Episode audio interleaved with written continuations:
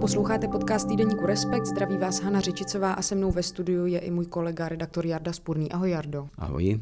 Jardo, ty seš víc než měsíc v kontaktu s některými tlumočníky z Afghánistánu. Někteří z nich se dostali do Česka a mohli tedy tu zemi ovládanou Talibánem opustit. Jak tu situaci v té zemi popisují a jak oni prožívají ty poslední dny? Tak já je znám zejména z pohledu jejich potřeby odejít z té země. Oni nikdy neměli pocit, že musí popisovat tu situaci, měli pocit, že tu situaci známe, že víme, kdo to je Talibán. Oni samozřejmě jako spolupracovníci spojeneckých vojsk byli ohroženi.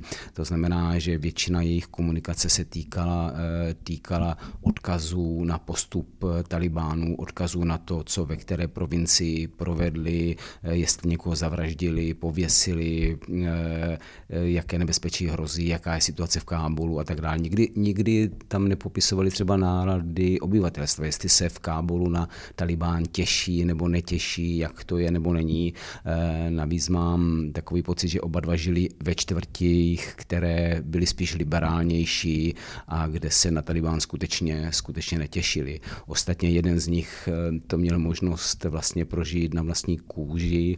Eh, když Taliban přišel, tak mu vtrhli do bytu, Mm, prvního odtáhli na policejní stanici, kterou měli pod kontrolou a zmlátili ho a rodina měla pocit, že už je prostě ztracen, že, že bude mrtvý. Jenže jeho otec měl eh, relativně velký respekt v té čtvrti, tak poprosil pár sousedů, jestli, jestli by mu nepomohli přimluvit se u těch talibánců a vlastně dostal na svou stranu, dostal. Okamžitě se k němu připojila téměř celá ulice a před policejní stanici přišel dav lidí, kteří vlastně během několika minut dostali toho, toho zadrženého, toho zadrženého tlumočníka tlumočníka ven. Ty říkáš tedy, že ta komunikace probíhala spíš na úrovni nějakých logistických řešení a podobně. Může si vůbec člověk v takové situaci dovolit sdílet nějakým způsobem svoje emoce, nebo to, jak se právě cítí, jestli má strach a tak? No pokud jde o, eh, já jsem byl v kontaktu se třemi, jeden jsem mi pak z kontaktu ztratil, eh, tak s těmi dvěmi jsem byl v kontaktu prakticky celý měsíc, denodenně a vlastně to nebylo o ničem jiném než o emocích. Oba dva mají rodiny, oba dva mají malé děti a, a oba dva měli, eh, myslím si, že oprávněný, oprávněný strach. Eh, to znamená, že jejich komunikace byla hlavně o zvědavosti, ale vystrašené zvědavosti o tom, jestli eh, se dostanou do Česka, jestli budou moci opustit Afganistán a jestli vlastně tady tuhle situaci, situaci přežijí. Oni často nechodili pro, pro, pro slova, jako jsme v ohrožení života, čeká nás temný osud a podobně.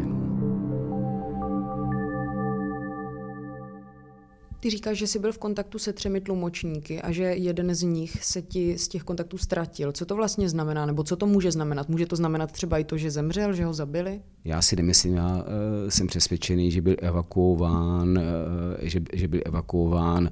On ze začátku byl, byl ochotný, jak si mluvit veřejně. Mám pocit, že si trošku zalekl i vzhledem ke své rodině médií a že, že neměl potřebu nějak sám se medializovat, neměl potřebu o tom nadále mluvit.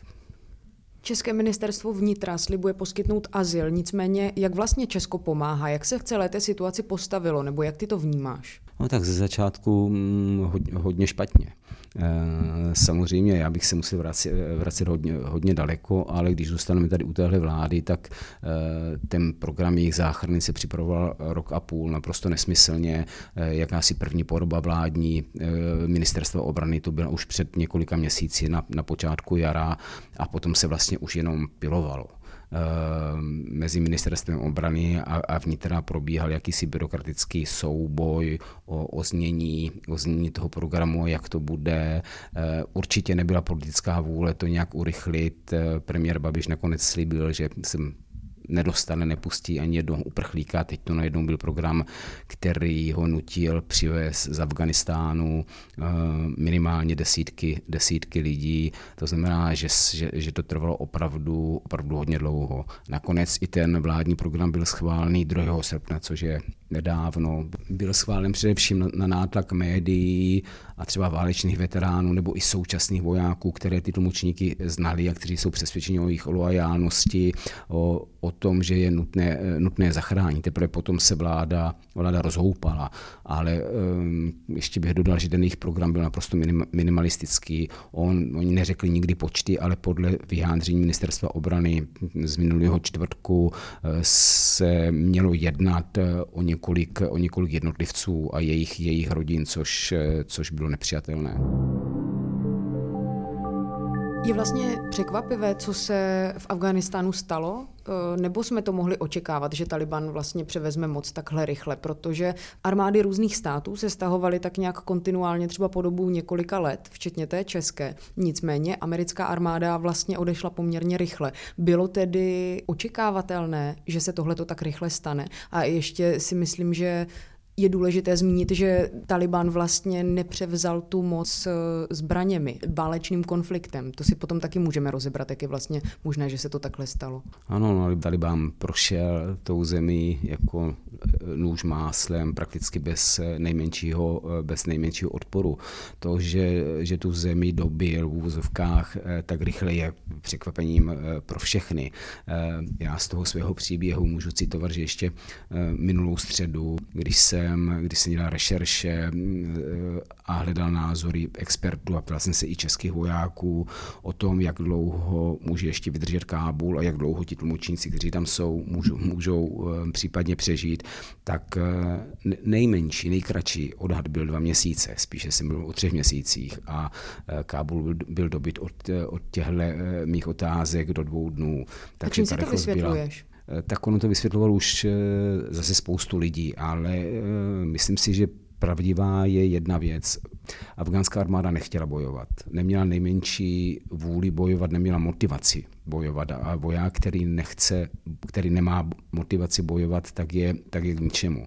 A myslím si, že armáda afgánská byla relativně dobře vycvičená za těch 20 let spojenci, byla relativně dobře vybavená absolutně netušila, čemu slouží. Ta země, to víme, byla docela prolezlá korupci, nakonec um, pre, prezident a řada ministrů opustili zemi dlouho předtím, než, nebo nedlouho předtím, ale mm, dřív, než bylo záhodno, prostě naprosto, naprosto neslušet. Takže myslím, že tam, že, že ta afgánská armáda neměla potřebu hájit ten režim, který tam byl. Nešlo tam ani o, o, nějaký, o nějaký střed civilizací, ale prostě mm, necítili to, to vlastenectví. Navíc Afganistán je samozřejmě různorodá země, žije tam řada řada národností a já se domnívám, a taky mi to popisovali ty lidi, kteří tam byli.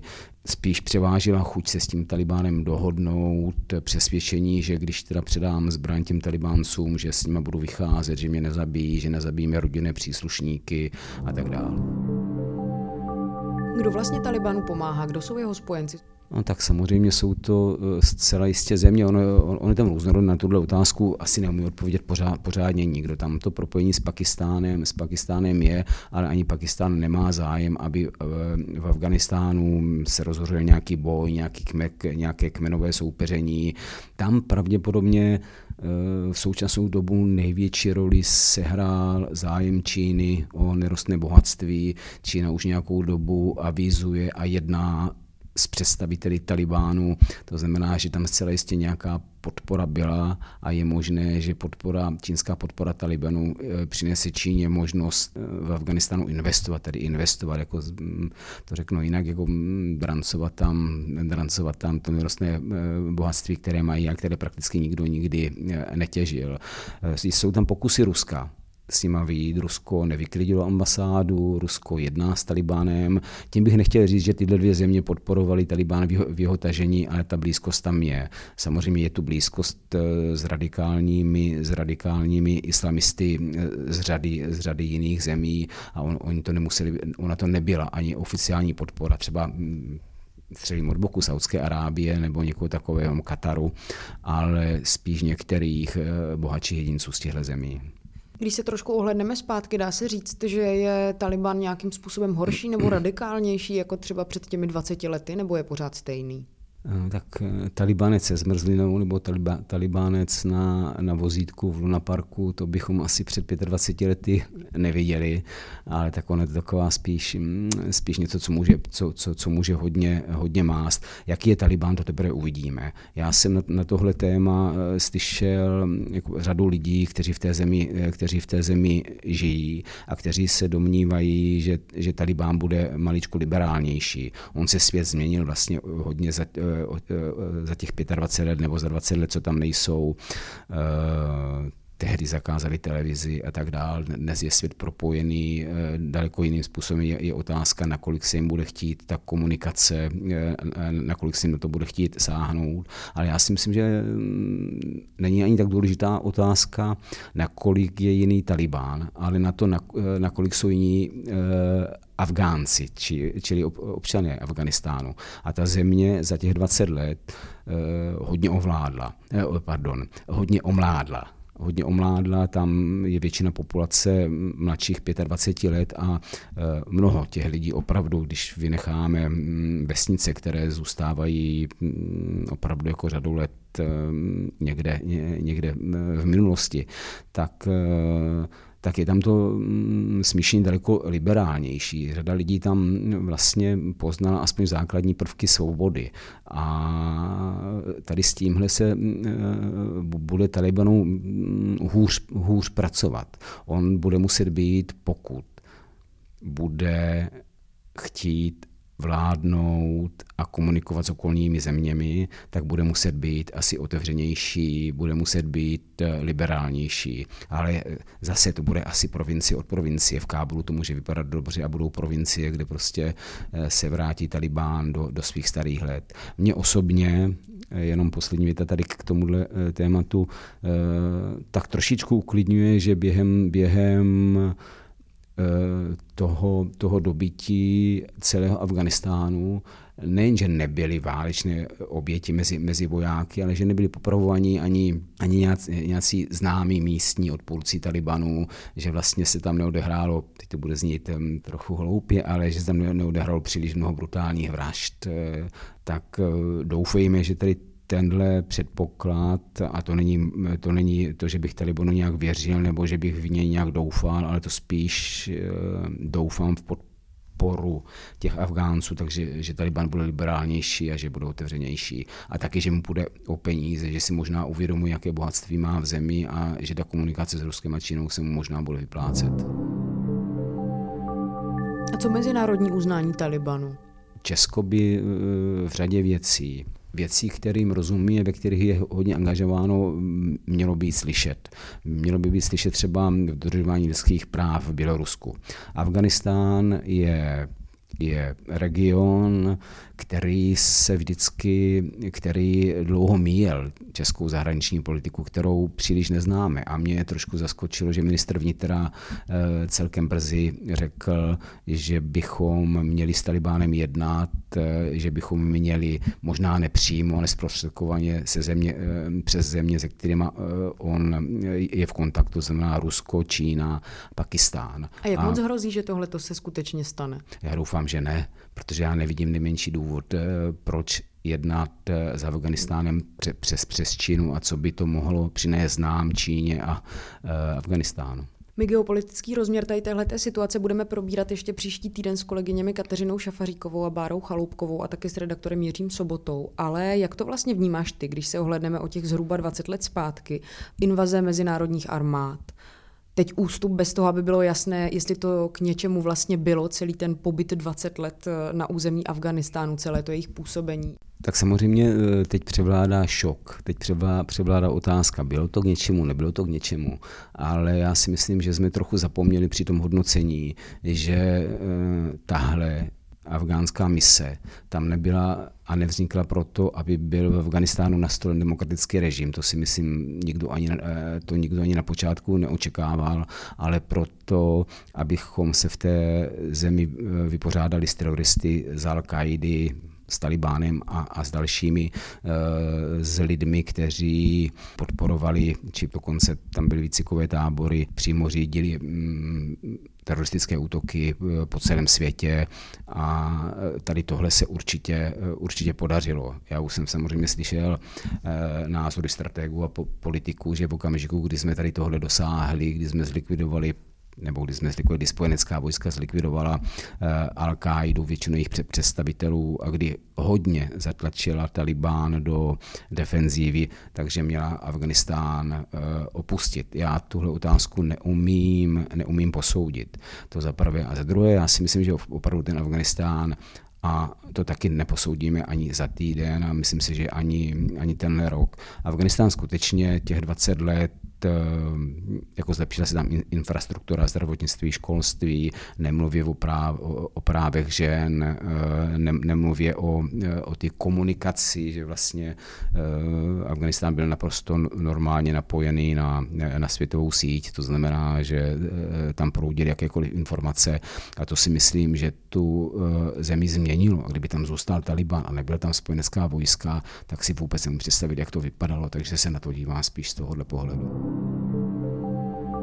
Co podle tebe je uh, teď asi tím největším nebezpečím? Je to uh, chování Talibánů v Afghánistánu, nebo je to naopak to, jak se k té situaci postaví různé státy? Tak já si myslím, že největším nebezpečím je, eh, je poté, co Talibán upevní svou moc, začne se, dohodne se nějak ze zbytky mm, teroristů z islámského státu, al qaidi pokud to tímhle směrem půjde. A e, stane se zase, a může se stát zase e, vývozcem toho teroru. My třeba e, víme z, z fungování, z existence islámského státu, když ten stát fungoval, tak Evropa byla v podstatě zaplavena teroristickými útoky. Eh, v okamžiku, kdy se islámský stát rozpadl, kdy byl poražen, tak ty teroristické útoky víceméně přestaly. Tady tohle může začít znovu na území Afganistánu. To se může skutečně znovu stát klíčem terorismu, i když no, bych to úplně eh, nedokážu dopredikovat. To je první, první riziko. Druhé riziko je samozřejmě to Rusko a Čína ale nikoliv proto, že by to zemi dobili, ale Afganistán se tím stává celkem nepřehlédnutelným regionem, ve, kterým, ve kterém se bude odehrávat eh, souboj těch velmocí. Pokud jde o ty zbraně eh, v Afganistánu, které tam zůstaly, tak pokud nebudou použity k nějakým Oni můžou být prodány, jako to je taky na kšeft samozřejmě může být, a, ale pokud nebudou přímo využívány k nějakým zahraničním teroristickým útokům, tak, eh, tak to samozřejmě může ohrožovat Afganistán jako takový, jako klanová země, jako země, eh, země několika národností, eh, území, která jsou dokonce i pro, pro Talibán nedobytná, to, to vlastně může podporovat nějakou vnitřní občanskou, občanskou válku. A když ještě kromě toho, co ty jsi zmínil, nebo kromě toho, co jsme zmínili, vztáhnu tady tenhle ten, tuhle tu celou situaci na Česko, teď je před volbami. Myslím si, že to, co se děje v Afganistánu, asi může nahrávat zdejším populistickým, extremistickým politickým stranám nějakým způsobem. Nebo asi bych se toho obávala. Co si myslíš ty? No já si to obávám zejména po eh, včerejším rozhovoru prezidenta Zemana, který, eh, který tu situaci v Afghánistánu vlastně využil k tomu, že se okamžitě vymezil proti NATO, že vyzval Česko k nezvyšování vojenského rozpočtu, eh, mluví o nesmyslnosti existenci NATO a tak dál. To znamená, že z toho politického či ideologického nebo manipulativního hlediska to bude zcela jistě využíváno extremistickými stranami. Tomio Okamura určitě využije obě dvě, obě dvě věci, jak zaprvé tu hrozbu, a tak hrozbu migrační krizi. Já si myslím, že třeba Česka se to týkat až tak moc nebude, eh, že využije Tomio vůbec převezení 170 170 lidí, včetně žena, dětí, do Česka ve svém předvolním boji, eh, že se tady začne opravdu diskutovat a opět z těch extremistických stran i ta budoucnost NATO a smysl naší existence. A možná to do jisté míry i nějak volby ovlivní, ale já doufám, že ne. Tak děkuji. Sama.